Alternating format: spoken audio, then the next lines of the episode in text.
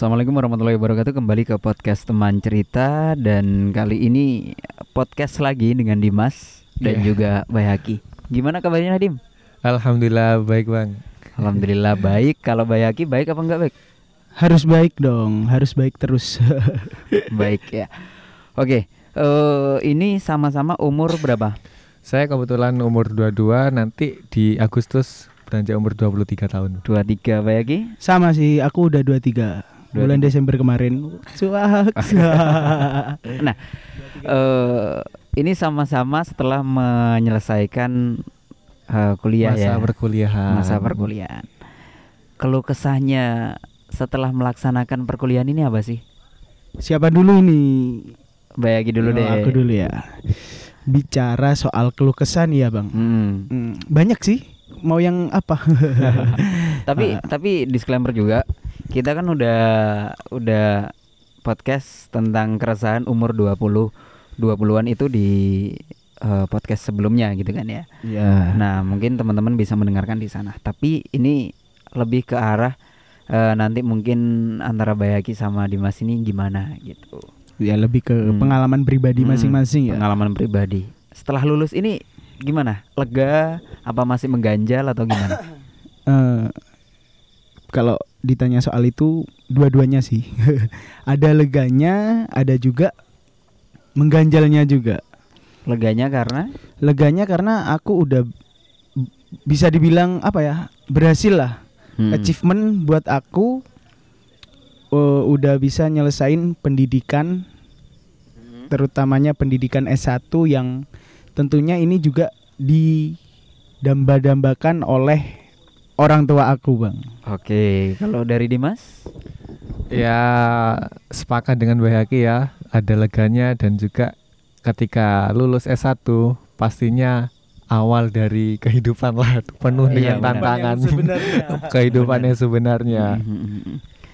Eh, jadi keresahannya adalah ya memang ini sebagai awal dan ketika awal itu hampir semua orang sih ya merasa kayak nggak tahu apa yang dilakukan terlebih dahulu kayak gitu-gitu ya. Iya. Krisis identitas lah. Oh, iya ya bisa dibilang krisis identitas boleh. Mhm. Eh, tapi kalau aku pribadi lebih ke arah cemas sih, Bang. Cemasnya itu kita yang awalnya serba apa ya? Serba ada lah. Bisa dibilang serba ada itu apa-apa bisa minta ke orang tua, apa-apa Hmm. bisa diturutin orang tua. Tapi ketika kita lulus seolah-olah kita ini udah harus bisa bertanggung jawab atas diri kita sendiri. Dimas juga merasakan seperti itu. Ya sama sih. Eh, masuk tuntutan orang tua atau gimana? Atau kamu aja yang merasa seperti itu? Gimana bang? Gimana bang? Eh, kalau Bayaki tadi kan merasa bahwa ketika kuliah kan ya semua otomatis eh, keluarga atau orang tua bisa melengkapi semuanya gitu kan Iya. ya, memfasilitasi. Tapi ketika udah lulus merasa bahwa kayaknya udah nggak pantas lagi gitu. Nah, kalau di Dimas sendiri itu ada, Ada bang, pastinya ada. tapi orang tua menuntut nggak? Menuntut dalam artian apa ini bang? Menuntut ya udah untuk sekarang kamu udah dilepas kayak gitu. Kalau orang tua enggak sih bang. Pastinya kalau eh, segede kita, kalau Hmm. di mata orang tua itu tetap anak kecil.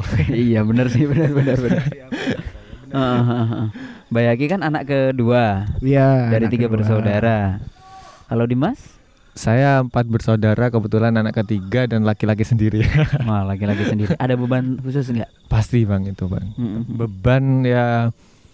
Ibu selalu berpesan kamu laki sendiri, jadi eh, bagaimana nanti ketika ayah udah tidak ada, ibu tidak ada, saya harap Dimas lah yang memegang kendali lah, biar saudara ini tetap rukun gitu bang. Oke, kalau Oh, dari Bayaki iya. sama. Ya sama sih kalau masalah kayak tuntutan dari orang tua nggak ada sih alhamdulillahnya orang tua aku nggak pernah nuntut aneh-aneh untuk anaknya. Hmm. Semua anaknya sih ibarat ya udah kamu mau apa mau milih jalan ke mana terserah asalkan itu masih benar. Mm-mm. Tapi kalau bicara soal pernyataan Dimas barusan kamu anak laki-laki satu-satunya dan saudara kamu perempuan Mm. harapannya kan udah gede banget nih sama Dimas. Mm. Ke, bisa dibilang generasi sandwich gak sih? bisa jadi, walaupun bukan anak terakhir Iya, gitu kan. iya, iya. Mhm, Terus? Ya, sebab secara nggak langsung beban yang ada di pundaknya Dimas Hmm. ini berat banget. suruh menggantikan sosok Orang ayah tua. Ha, ha. khususnya ayah Mm. ya aku sedikit menarik ini menurut aku gimana pendapat Bang Ali kalau tentang pernyataan Dimas ini aku berpikirnya apa Dimas ini masuk generasi sandwich apa bi- mungkin ya bisa jadi aku juga karena aku Hmm. anak laki-laki paling Yang tua Paling tua. ha. Heeh. ya gimana gimana ini Merasa udah merasa seperti itu Dimas? Ya merasa sih bang kayak Hmm. Kalau aku sih kalau ditanya ke aku bayagi tau lah. Dalam artian memang apa ya? Aku dari awal sendiri. Walaupun aku punya punya Saudara. gitu kan, tapi kan nggak pernah ketemu apa segala macem. Dan bisa dibilang ya ya udah aku tumbuh. Mulai kecil kan memang sendiri. Nggak nggak ada orang tua dan jauh dari orang tua. Kayak gitu. Jadi ya kalau dari aku sendiri sih sudah terbiasa untuk pertama sendiri sudah terbiasa untuk semuanya memikirkan sendiri cari uang sendiri dan lain-lain kan gitu tentunya nggak bisa dibandingkan beda beda beda Beda ya? beda.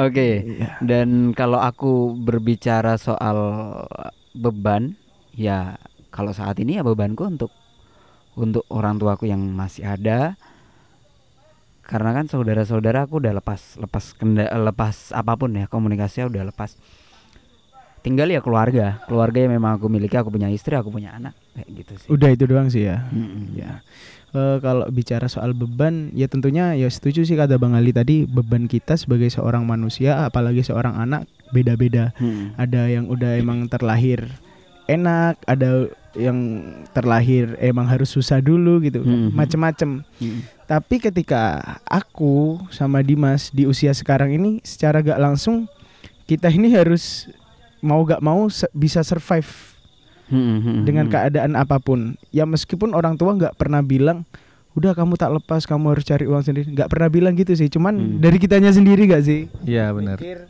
kita mikir kayak udah nggak layak buat ngerepotin orang tua lagi udah nggak Oke. pantas gitu Malu sih ya ketika Malu. kita minta-minta ke orang tua itu saya lebih ke arah malu meskipun orang tua nggak mempermasalahkan itu sebenarnya cuma kita sebagai seorang laki-laki yang sudah ibaratnya tumbuh dewasa lah yang Hmm. sudah waktunya bisa mencari uang sendiri bisa seharusnya udah berdiri di atas kakinya sendiri Mm-mm. yang kalau saya sendiri malah pingin memberikan sesuatu kepada orang tua gitu kan. Mm.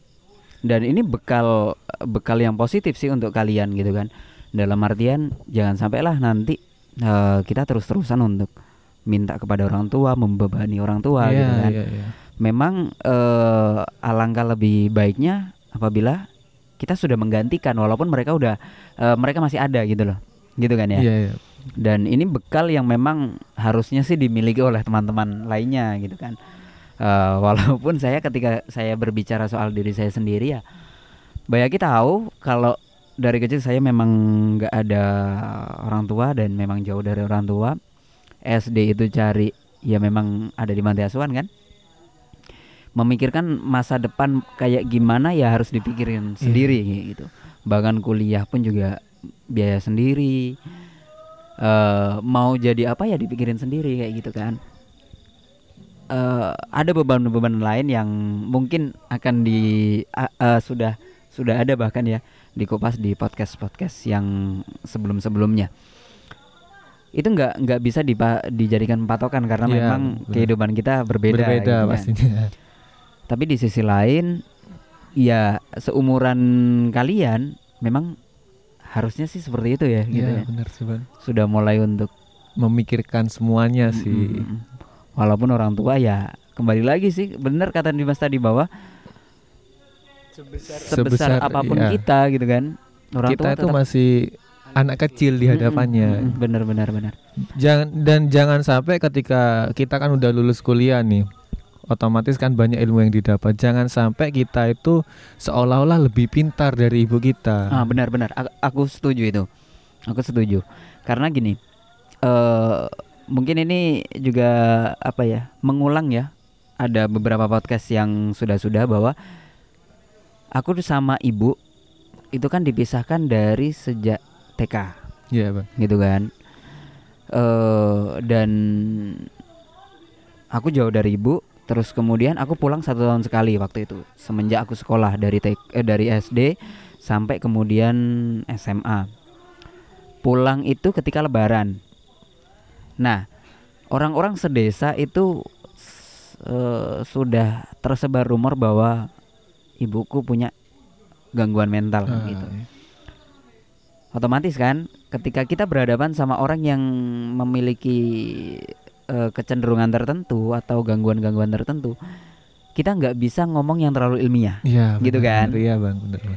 di sisi lain waktu itu saya mengalami sendiri bahwa oke saya udah kuliah nih gitu kan tapi ketika ngomong sama ibu sebisa mungkin saya nggak ngomongin soal hal-hal yang berat Iya, yang berbau ilmiah apalagi itu Heeh. ya. simple-simple aja gitu loh udah makan apa belum kayak gitu Ya seolah-olah kita anak kecil lah. iya hal-hal Iya. simple yang Iya. ditanyakan gitu kan dan itu yang dulu sempet sih kayak nggak peduli sih saya eh, pendidikannya seperti apa gitu kan tapi ketika sama orang tua ya saya bodoh gitu loh Iya, benar. bahkan ini yang lucu dulu aku udah kuliah.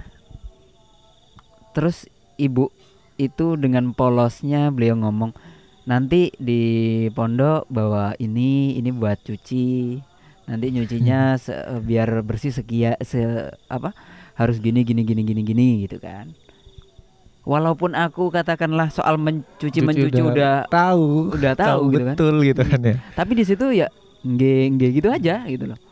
Seolah-olah memang eh, memberitahu bahwa ilmu itu manfaat untuk saya Ya. walaupun saya udah tahu gitu kan dan itu yang membuat ibu ya udahlah memang memang aku dianggap seperti masih Anak kecil. anak kecil kayak ya. gitu itu sih pengalamanku dulu Iya iya iya menarik sih. Ya menurut aku bener sih bang. Eh, sebesar apa pun kita kita tetap anak kecil di hadapan orang tua. Aku ya juga banyak ngalamin hal, hal seperti itu bahkan sampai sekarang pun ya sama kayak bang Ali diingetin nyuci eh, kayak gini gini gini ininya jangan sampai lupa dan aku nyadar oh iya ya aku meskipun usia segini masih butuh itu gitu loh nggak bisa ngebayangin ketika seseorang yang sering ngingetin kita itu udah nggak ada gitu. Hmm. Terus aku bingung, aku siapa lagi yang ngingetin gitu. Kadang kan orang tua, apalagi umi aku sering bilang, mumpung masih ada orang tua gini gini gini gini ada yang ngingetin besok kalau nggak ada siapa yang mau ngingetin itu sih yang kena banget maksudnya Mm-mm. aku mikir se- meskipun se nggak penting apa pun itu yang diingetkan tapi itu berharga buat aku sih bang oke apalagi hal yang penting ya, Hmm. seperti apa jangan lupa bangun pagi jangan lupa sholat itu kan penting banget kan Mm-mm. seolah-olah aku pikir wah ini pengingat banget buat aku gitu loh nggak tahu lagi kalau udah ada gitu nggak tahu Dimas gimana dim dim Membahas tentang orang tua ini agak eh, sensitif Iya, sedih soalnya apalagi Aha. membahas soal ayah selalu mengingatkan. Soalnya gini Hmm. Bang, kalau ayah itu ya tidak menunjukkan rasa sayang, rasa cintanya Mm-mm. kalau saya sendiri. Akan tetapi di balik diamnya, di balik diamnya itu di situlah kayak timbul apa ya bang ya? Kayak sayang gitu. Tapi Hmm. nggak mau ingin nggak ingin menunjukkan kepada anaknya gitu sih bang. Hmm. mungkin Bay Haki relate gak sih kayak sih kayak gitu itu?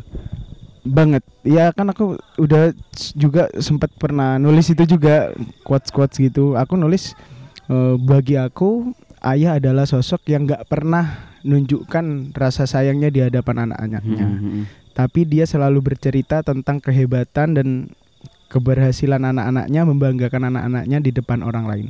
Mm-mm. dan aku itu bener-bener terenyuh bang. Soalnya sebelum tahu itu aku mikir aku udah ngelakuin banyak hal aku udah gini gini gini.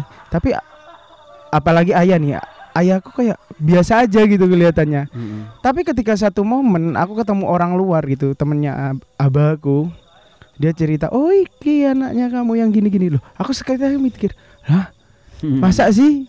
Seorang yang cuek seperti Hmm. itu maksudnya nggak pernah ngobrol bisa cerita ke teman-temannya dan banggain Hmm. aku. Dari situ aku mikir oh ternyata cara sayang orang tua itu nggak melulu harus di depan anak-anaknya gitu loh.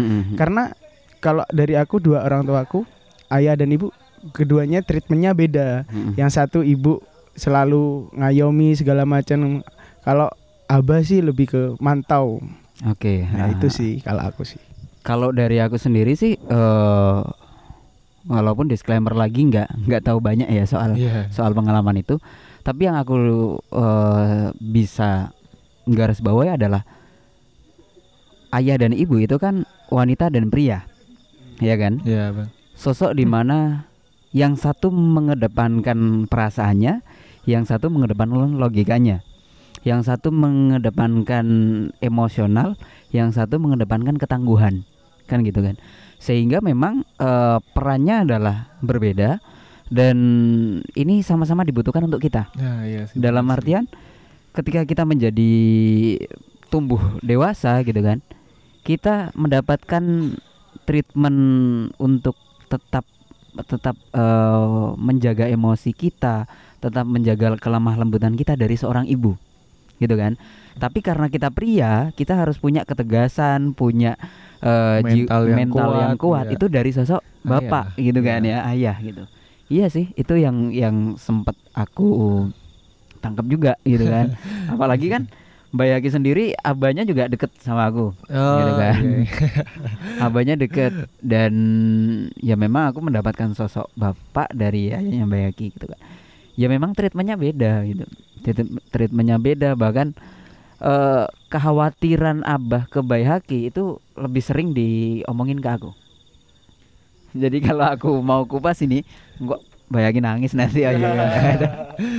Intinya keluh kesah abah eh, sama Mbak Yaki itu pasti disampaikan ke aku dan ya memang eh, kata abah itu ya udah ya anggapan memang adik sendiri gitu kan. Didiklah adikmu gitu. Iya, iya. Gitu. Bener sih, Bang. Jadi treatmentnya seperti itu sih. Bener sih kayak kebetulan kan saya satu kos ini ya sama Hmm. Abah Yaki ketika Abah Yaki lagi di luar kota di Jember lah ketika di sana dan saya di Banyuwangi mungkin Mbak Yaki pas ada titipan-titipan jadi Hmm. kan saya harus ke rumahnya Mbak Yaki Abah selalu berpesan gini anu ya jaga Mbak Yaki kayak Hmm. gitu-gitu kayak titip-titip gitu Bang. Ah, jadi ah. Ya kayak pedulinya Abah itu melewati orang lain. orang lain Ah, gitu ah, ah, benar benar benar. Dan ini ya ternyata orang tua kita seperti itu gitu kan ya. Dan mau tidak mau ini harus gitu kan untuk kita eh, mulai belajar menggantikannya walaupun mereka masih ada gitu Iya, kan. benar, benar. Karena mau tidak mau mereka juga akan menua tugas-tugas mereka harus dibebankan ke kita dan ini wajar gitu kan bahkan nanti ketika mereka udah tua ya otomatis kita yang merawat mereka kan gitu kan oke tapi dari ini yang ingin aku tanyakan juga dari rasa sayang orang tua itu ada nggak yang membebani kalian dari Eh, Bayagi Aku ya. Kalau membebani sih enggak sih Bang, alhamdulillah. Untuk sejauh ini enggak ada yang membebani sih. Cuman akunya aja karena aku orangnya gampang overthinking, gampang Hmm. insecure ya itu sih. Itu aja yang buat kepikiran ketika lihat orang tua udah sejauh ini udah makin tua, lihat diri sendiri kok makin gak berguna gitu loh. Itu sih kalau Mhm. eh, dari orang tua aku sendiri alhamdulillah ndak ada sih ndak ada beban ndak ada tekanan gitu mereka justru malah kayak gimana gimana masih peduli banget cuman akunya aja yang terlalu overthinking kayak Hmm. karena ya itu tadi ketika kita melihat orang tua semakin tua tapi kita justru makin gak berguna ya dimas dimas gimana Kalau Dimas gimana? Rasa sayang dari orang tua kayak contoh mungkin me, apa ya? memfasilitasi Dimas, menyayangi Dimas, memberikan apa pun yang memang di, memang Dimas butuhkan. Itu mau membebani enggak? Kalau menurut aku sih enggak sih ya bang. Cuma waktu kecil kan mungkin kita banyak main gitu sehingga kalau eh kamu jangan di ke sini jangan ke sini ada rasa pengekangan dulu. Hmm. Akan tetapi semakin dewasa semakin sadar oh iya memang apa yang disampaikan oleh orang tua itu benar. Mm, mm, mm, Eh, mm. ada pengarahan di sana. Mm, mm, mm, mm. Saya sepakat sih sama Mbak Yaki yang overthinkingnya itu ketika kita sudah menjadi dewasa akan tetapi kita masih belum bisa eh, apa tidak tidak menjadi apa-apa lah itu sih harapannya ya saya ingin membagian ini kewajiban sih ya sebagai orang anak ini bukan hanya ini Hmm. kewajiban sebagai seorang anak anak untuk membahagiakan orang tuanya itu sih Bang. Oke. Dan ini memang memang harus ya iya untuk harus. kita seperti itu. Jadi ya. Dan ini awal sih. awal untuk perjalanan kalian Ya Untuk- benar sekali. untuk membuktikan eh, setelah kuliah ini mau jadi apa, apa pun itu intinya bermanfaat untuk Ya, diri benar. sendiri dan orang lain gitu kan. Dan tetap jadi diri kalian, berikan yang terbaik itu sih. Ya sih.